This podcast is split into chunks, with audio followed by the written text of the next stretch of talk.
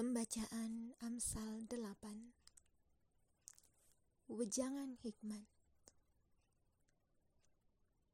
Bukankah hikmat berseru-seru dan kepandaian memperdengarkan suaranya?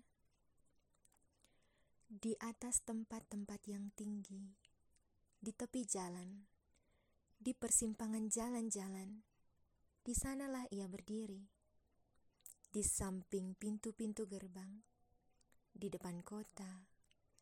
Pada mas, pada jalan masuk, ia berseru dengan nyaring. Hai para pria, kepadamulah aku berseru. Kepada anak-anak manusia kutunjukkan suaraku. Hai orang yang tak berpengalaman, tuntutlah kecerdasan. Hai orang bebal, mengertilah dalam hatimu. Dengarlah, karena aku akan mengatakan perkara-perkara yang dalam dan akan membuka bibirku tentang perkara-perkara yang tepat.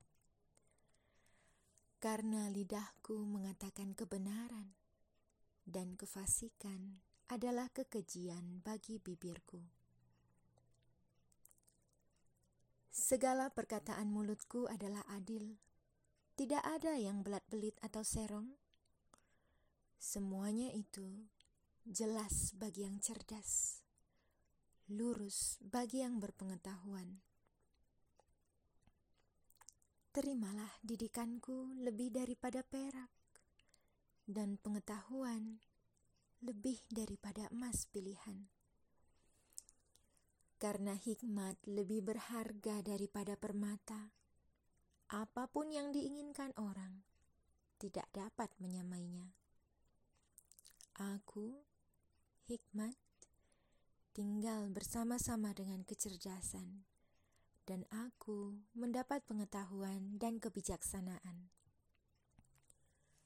Takut akan Tuhan ialah kebencian kejahatan Aku benci kepada kesombongan, kecongkakan, tingkah laku yang jahat, dan mulut penuh muslihat.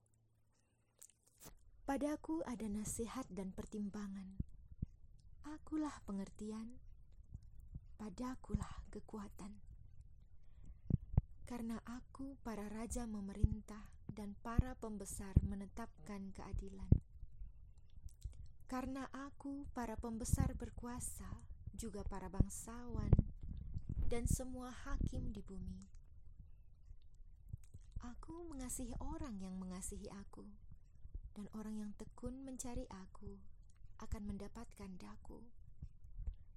Kekayaan dan kehormatan ada padaku, juga harta yang tetap dan berkeadilan Buahku lebih berharga daripada emas, bahkan daripada emas tua. Hasilku lebih daripada perak pilihan. Aku berjalan pada jalan kebenaran di tengah-tengah jalan keadilan, supaya kuwariskan harta kepada yang mengasihi aku, dan kuisi penuh dengan dan kuisi penuh perbendaharaan mereka. Tuhan telah menciptakan aku sebagai permulaan pekerjaannya, sebagai perbuatannya yang pertama-tama dahulu kala.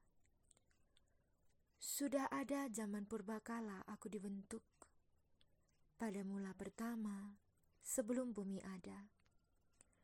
Sebelum air samudra raya ada, aku telah lahir sebelum sumber-sumber yang syarat dengan air. Sebelum gunung-gunung tertanam dan lebih dahulu daripada bukit-bukit, aku telah lahir.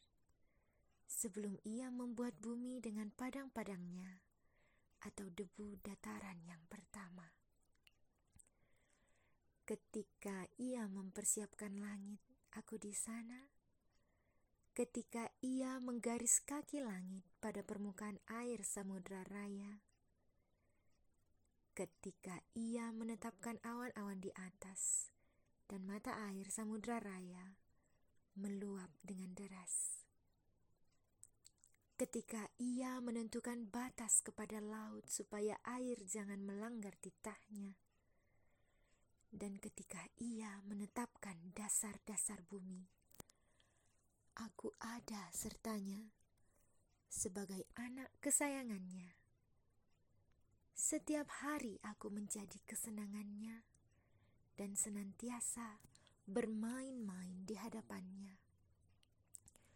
Aku bermain-main di atas muka buminya, dan anak-anak manusia menjadi kesenanganku. Oleh sebab itu, hai anak-anak, dengarkanlah aku, karena berbahagialah mereka yang memelihara jalan-jalanku. Dengarkanlah didikan, maka kamu menjadi bijak. Janganlah mengabaikannya Berbahagialah orang yang mendengarkan daku, yang setiap hari menunggu pada pintuku, yang tiang pintu, yang menjaga tiang pintu gerbangku. Karena siapa mendapatkan aku, mendapatkan hidup, dan Tuhan berkenan akan dia. Tetapi siapa tidak mendapatkan aku, merugikan dirinya. Semua orang yang membenci aku mencintai maut. Amin.